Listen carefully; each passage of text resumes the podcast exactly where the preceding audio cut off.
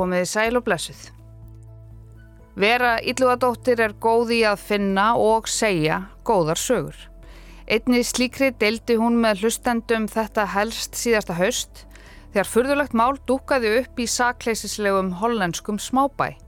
Bærin hafði þá tapað dómsmáli gegn Twitter.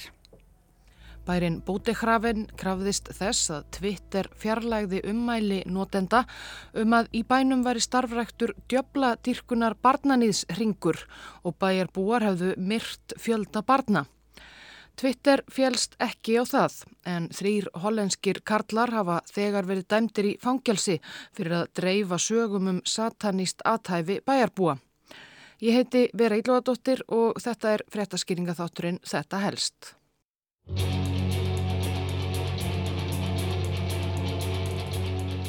Það er almennt friðsælt um að litast í smábænum Bótekraven í vestanverðu Hollandi.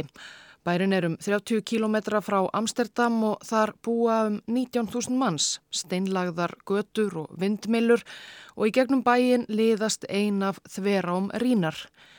En leynist eitthvað drungalegt bak við luktar dyr í Bótekraven.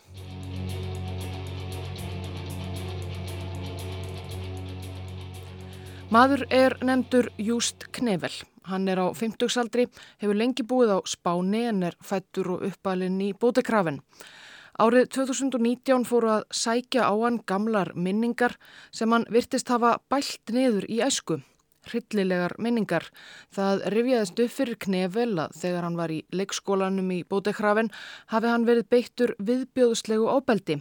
Hann og fleiri börn í leikskólanum hafi verið misnotuð kynferðislega af fullortnu fólki og pyntuð í einhvers konar satanískum helgiatöfnum. Þá hafi hann og hinn börnin, rifjaðist smátt og smátt upp fyrir Júst Knevel, verið þvinguð til að taka þátt í tilrauna starfsemi með hugsanastjórnun. Áþægt því sem bandaríska leinithjónustan CIA stundaði í hinnu allræmda MK Ultra verkefni.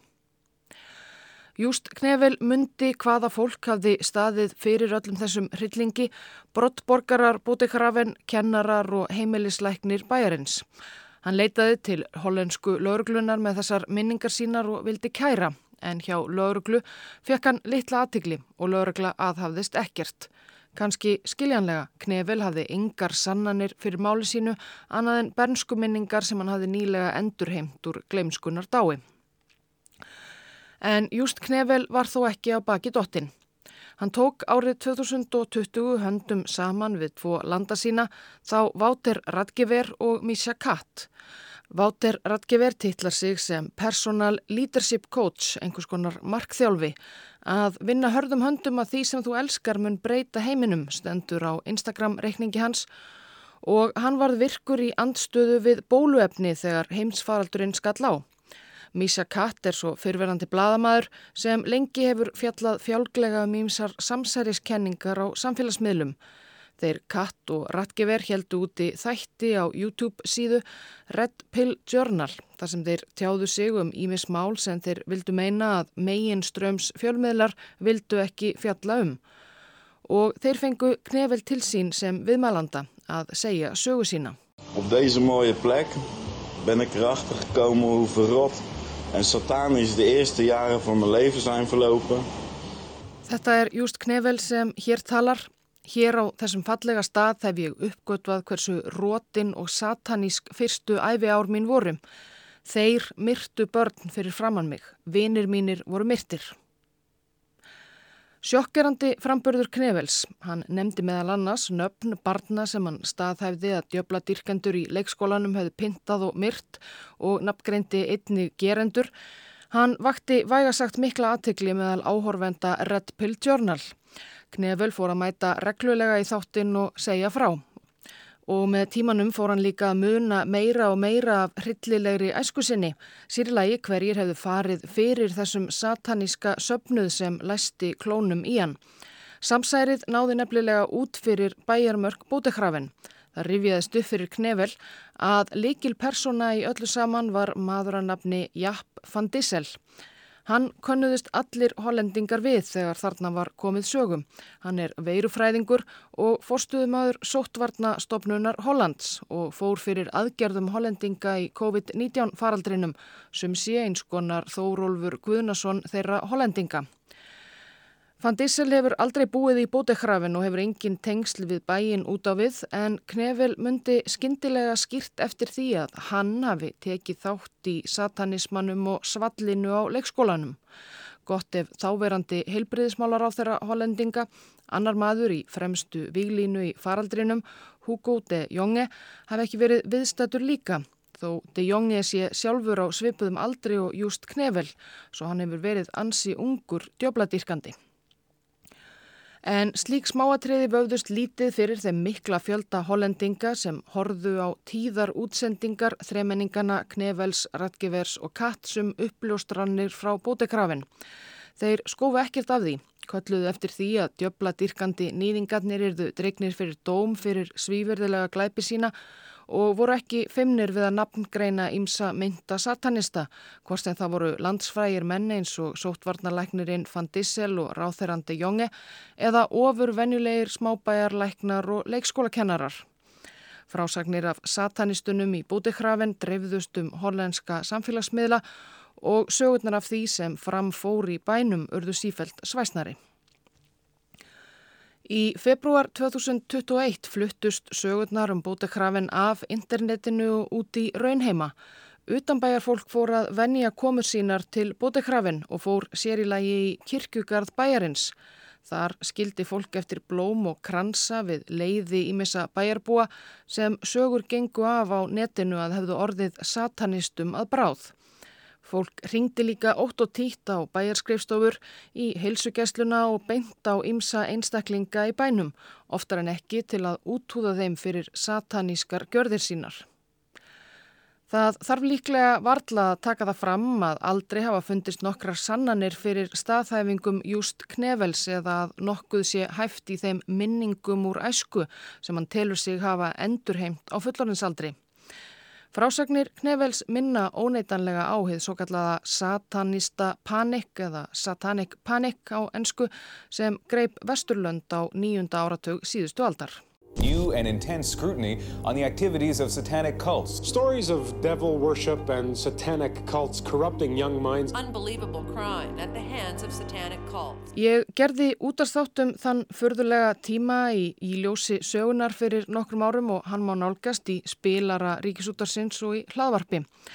Sá þáttur fjallar sér í lagi um eitt allræmdasta og umfangsmesta málið sem kom upp í þeirri múgæsingum. Eigendur og kennarar McMartin leikskólans í Kaliforníu voru þá sagaður um að reka satanískan barnanýðsring og stunda hryllilegar helgiatafnir og pyntingar á börnum. Málið var að mestu byggt á vittnisspurði barna í leikskólanum sem töldu sig hafa orðið vittni að hryllilegum glæpum eða sjálf verið beitt grimmilegu óbeldi. En sögur barnana eruðu fljótt fjärstæðukendar, þau töluðu um nortnir sem flugu um loftið, menn með geithafurshöfuð, mikið gangnakerfi undir leikskólanum sem aldrei fannst tangur nýja tetur af og svo framvegis. Nýja heldur fundust neyn önnur ummerki um djöbladýrkun eða sár eða ör á börnum sem töldu sig hafa verið beitt ímiskonar pyntingum. Í raun og veru hafðu börnin verið spurð mjög leiðandi spurninga af félagsráðgjöfum og öðrum fullornum sem virtust trúa því sjálf að satanista væri að finna uppi um alla vekki í bandarísku samfélagi. Í bókinni Michelle Remembers sem kom út 1980 segir kanadíski geðleiknirinn Lawrence Pasteur sögu sjúklings síns sem með hjálp hans í formi dáleiðslu hafi endurheimt bældar minningar úr æsku af hryllilegu ofbeldi foreldra sinna sem tilherðu, jú, alþjóðlegum sértrúarsöfnuði satanista. Engar sannanir voru fyrir staðhæfingunum í bókinni en hún sló að engu að síður í gegn. Pasteur átti sér fjölda skoðanasískina um þetta leiti. Geðleiknar, sálfræðingar og annað fagfólk hjælti fram að undir meðvitundin reyndi að verjast erfiðum upplifunum eins og satanískum mannfórnum með því að bæla niður minningarnar en þær mætti svo nálgast með réttri meðferð og í kjölfarið á Michelle Remembers endur heimti fólk viðsvegar um Norður Ameríku og víðar við líka benskuminningar af ofbeldi og djöbladirkun. Those children, some of them as young as two years old, were photographed by the suspects. Kitty porn was the primary purpose for the alleged sexual abuse of children. Some children allege that a living creature was sacrificed on the church's altar. The truth about Satanism is they truly do use McMartin leikskólinn í Kaliforníu var ekki eini leikskólinn sem á 8. áratögnum reyndist bæli djöbladýrkenda eða svo var sagt. Svipuð mál komu upp á fleiri leikskólum og dagheimilum í Bandaríkunum, í Kanada, Breitlandi og víðar. Nær undantekningarlaust reyndist ekkert hæft í ásökununum þegar nánar var aðgáð en margir meintir satanistar og nýðingar lendu þó í varðhaldi og mistu viðurværi sitt og orðspor. Fræðimenn hafa síðan dreyið í Eva kenningar um að hægt sé að endur heimta bældar minningar á þann hátt sem þarna var stundað. Vanalegra er enda að fólk muni sérstaklega vel eftir verstu áföllum lífsíns en að það bæli niður eitthvað eins rillilegt og ofinnulegt og morð og mannátt. En kenningar um samsæri sjúkra satanista lifa enn góðu lífi Það sést vel á uppgangi samsæriskenningarinnar um QAnon síðustu ár. Hún gengur í stuttumáli út á að Donald Trump fyrirverandi bandaríkjaforsiti eigi leynilegri baráttu við klíku valda mikilla barnanýðinga sem sækist eftir heims yfirráðum millir þess sem þeir stundi kynsvall og drekki blóð. Þeir Júst Knevel, Walter Ratgever og Misha Katt eru einmitt miklir QAnon menn og tengdu djöbladýrkanda söpnuðin í bútekrafen beint við þá kenningu. Yfirvöldum og almennum bæjarbúum í bútekrafen hefur þótt miður skemmtilegt að lenda í ringiðu ásakana um satanisma. Í júni voru knefil og ratgever fundnir sekir um líflátshótanir, ærumeyðingar og uppreysnar áróður og dæmtir í 14 og 18 mánuða fangelsi og einnig til þess að greiða bænum umtalsverðar bætur. Samverkamaður þeirra Misha Katt var framseldur til Hollands frá Norður Írlandi í sumar og hann mun þurfa að svara til sömu saka. Flest myndbönd þeirra félaga hafa verið fjarlagð af YouTube og öðrum miðlum en sögusagnir um djöbladýrkendurna í bútekrafin lifa þó enn góðu lífi meðal annars á Twitter. Það var í vonum að hægt væri að fjarlæga þær frásagnir sem bútekrafin bær höfðaði mál á hendur Twitter fyrir domstóli Hag.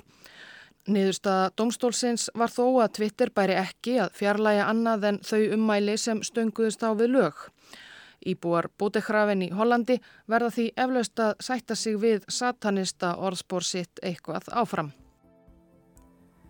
Svona getur djöbladýrkun, hollenskir smábægir og Twitter blandast saman í höndum veru ílúadóttur. Ég heiti Sunna Valgeradóttir og þakk ykkur fyrir að leggja við hlustir í dag og við heyrumst svo aftur hér á morgun.